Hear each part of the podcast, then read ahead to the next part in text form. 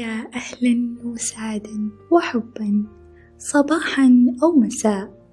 اللهم الرحابة في الصدر. حتى إذا انكمشت الدنيا في أعين من نحب انشرحت لهم صدورنا واتسع لهم مكاننا. محدثتكم سارة من بودكاست رحابة.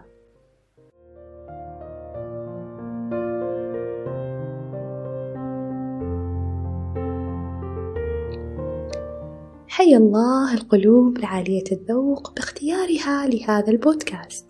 حيا الله الأرواح المجاهدة التي لم تدخل لهذه المساحة إلا لغاية تحسين وتمكين. أهلا وسعدا وحبا مجددا بكم فردا فردا. دائما تأسرني ألطاف الله الصغيرة التي تحفنا في كل موقف. أظل أتأملها لفترات طوال. تزورني قبل المنام فأأنس بها جدا. فأنام وفي صدري فراشات محلقة. ومن الآيات القريبة لقلبي قول اللطيف سبحانه على لسان سيدنا يوسف عليه السلام وقد أحسن بي. الله ما ألطفها وأحنها أحسن بي. أتساءل عن إحسان سيدنا يوسف وهو من صغر سنه. لم ير من الحياة إلا وجهها القاسي. كيف ظل محسنا في كل هذه الظروف الصعبة؟ وفي نهاية القصة أظنني وجدت السر في قوله وقد أحسن بي سيدنا يوسف عليه السلام لم ير في هذه الابتلاءات. إلا إحسان الله معه ولطفه به. لم يتساءل لماذا دخلت السجن وأنا مظلوم بل قال وقد أحسن بي إذ أخرجني من السجن ولم يتساءل لماذا يفعل بي إخوتي هذا بل قال وجاء بكم من البدو من بعد أن نزغ الشيطان بيني وبين إخوتي. وحتى في فتنته مع امرأة العزيز كان ما ثبته عن ارتكاب المعصية هو تذكر الإحسان إليه. قال معاذ الله إنه ربي أحسن مثواي. في كل ابتلاء يقع عليه لا يرى إلا أفعال الله المحسنة إليه. أن تمتلك قلبا يرى لطف الله به في كل تفاصيل حياته يرى ويستشعر كرم الله وفضله وإحسانه إليه في كل في كل محنة يمر بها. من الطبيعي أن يكون قلب شاكر ممتلئ بالنور ويفيض به لمن حوله. لذلك خصصت هذه الحلقة لمشاركة مواقف حدثت بعضها من أيام وأخرى من شهور وغيرها مرت عليها السنين. إلا أنها لم تغب عن بالي لحظة. ومن شدة ما كانت تأسرني كنت أركض لمشاركتها مع حبيبة روحي والدتي أو أخواتي أو معلمة القرآن التي يحبها قلبي جدا التي كانت تبادلني ألطاف الله معها أيضا. جربت شعور أن تكونوا سعداء جدا. ومن كم تلك السعادة في صدوركم تحسوا أنها لابد أن تخرج لابد أن أتشاركها مع أحدهم. لأنه حرفيا من كثرة هذه المشاعر تشعر وكأن قلبك لا يتسع لهذه المشاعر السعيدة. بالضبط هذا هو شعوري الآن. جئت لأسكب كل المواقف وأتشارك تلك السعادة معكم. حتى تضبطوني لأجلها وتتأملوا مواقفكم لتنبشوا عن ألطاف الله بكم ثم تتقاسمون سعادتها مع أحباب القلوب. نبدأ بأظرف وألطف المواقف. هذا الموقف بالتحديد كنت أستحي جدا من مشاركته مع أحد. كنت أحدد نفسي أن من يسمعك يمكن أن يستغرب أو يستتفه الموقف. قبل سنة تقريبا كان يوم الاثنين أو الخميس لا أتذكره بالضبط. وكنت صائمة. ذهبت لحضور محاضراتي كالعادة ورجعت في المساء لمكان سكني البعيد عن بيتي وعائلتي. نلت قسط من الراحة وتوضأت استعدادا لصلاة المغرب. وأثناء ذلك جهزت لي تمر ولبن وماء. لأن محدثتكم لم يكن عندها وقت حتى لتجهيز فطورها. كنت أنتظر الأذان وأنا في أقصى أقصى مراحل الجوع. وأفكر إيش بطلب للعشاء؟ أذن الأذان وفطرت على خير والحمد لله على النعمة. وقمت للصلاة. وأنا ساجدة أعوذ بالله من وساوس الشيطان التي تحضرك أنت في الصلاة وتكون طبعا خارج إرادتك. اشتهت نفسي بيتزا. وبالعادة أنا إذا أردت شيء مهما مهما كان صغير وتافه أطلبه من ربي لأن حبيبي يقبلني بكل حالة وفي أي وقت. لكن بصراحة في تلك اللحظة وأنا ساجدة. استحيت أن أطلب من ربي. يا رب أريد بيتزا. يعني قلت لا لا لا. استحي قليلا. المهم أني تركتها في نفسي وأكملت صلاتي وعدت للمذاكرة. أعلم أن البعض سيتساءل لماذا يا سارة ما طلبتي البيتزا من إحدى المطاعم؟ لأن في ذلك التوقيت بالتحديد كان الطلب يأخذ وقت طويل ويتأخر جدا وكانت طاقتي منخفضة للحد الذي لا يسعني حتى أن أنتظر. والله ما مرت نصف ساعة حتى وأقل يمكن إلا ويطرق باب الغرفة. استغربت لأني بالعادة لا أستقبل أحدا فيها فهي إما للنوم أو المذاكرة. إلا وهي واحدة من الصديقات. فتحت الباب وكانت تقف هبة الله خلفه. إذا سمعت حبيبة عيني هبة هذه الحلقة احتمال أن تضحك حد البكاء. المهم ربي سخر لي من الظروف والأسباب وغمرني بلطفه وحنانه سبحانه. أرسل لي الهبة منه. حاملة لي بين يديها صندوق البيتزا. كنت مدهوشة ومصدومة ومشاعري مختلطة. يا رب كيف يستحيل أن تكون مصادفة؟ قبلت الصديقة اللطيفة وودعتها بحضن دافئ وأغلقت الباب وجلست على الأرض أستوعب كرم الله لطفه رحمته وحنانه بي. علم ما في صدري دون أن أنطق أو أتفوه به حتى أو أطلبه منه وأتى به إلي إلى مكاني دون أن أتعب حتى أصل وأحصل على ما كانت تشتهيه نفسي. بعد هذا الموقف شعوري حرفيا لا يوصف يا ألطاف الله حفينا في كل موقف. وفي موقف آخر من شدة لطفه بي ظننت أني عبده الوحيد. كنت بالثانوية العامة وكان أول اختبار نهائي لمادة الرياضيات.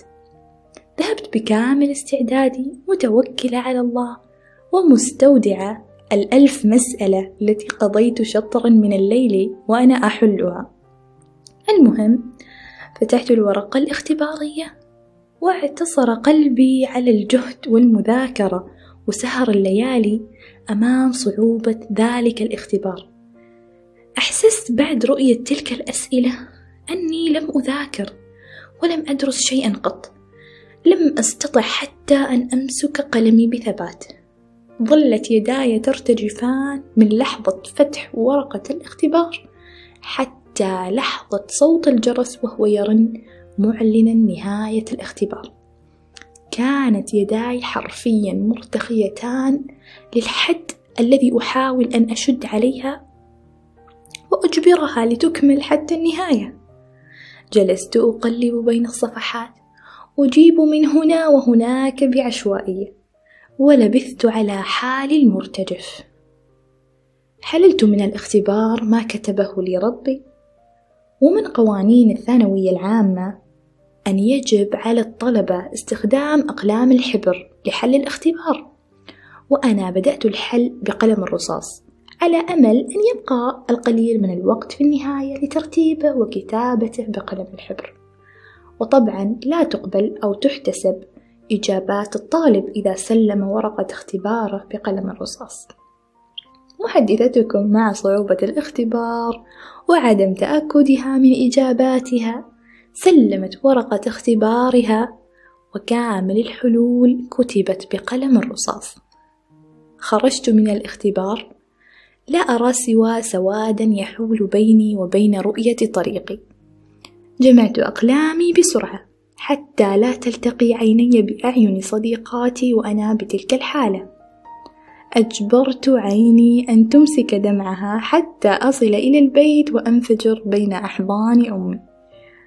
ظللت طوال تلك الأسابيع بعد هذا الاختبار وحتى ظهور النتيجة التي تستغرق عادة أسبوعين إلى ثلاثة. وأنا أدعو الله في كل سجدة وفي كل خلوة وفي كل موطن استجابة. ولحسن حظي صادف في تلك الفترة يوم عرفة.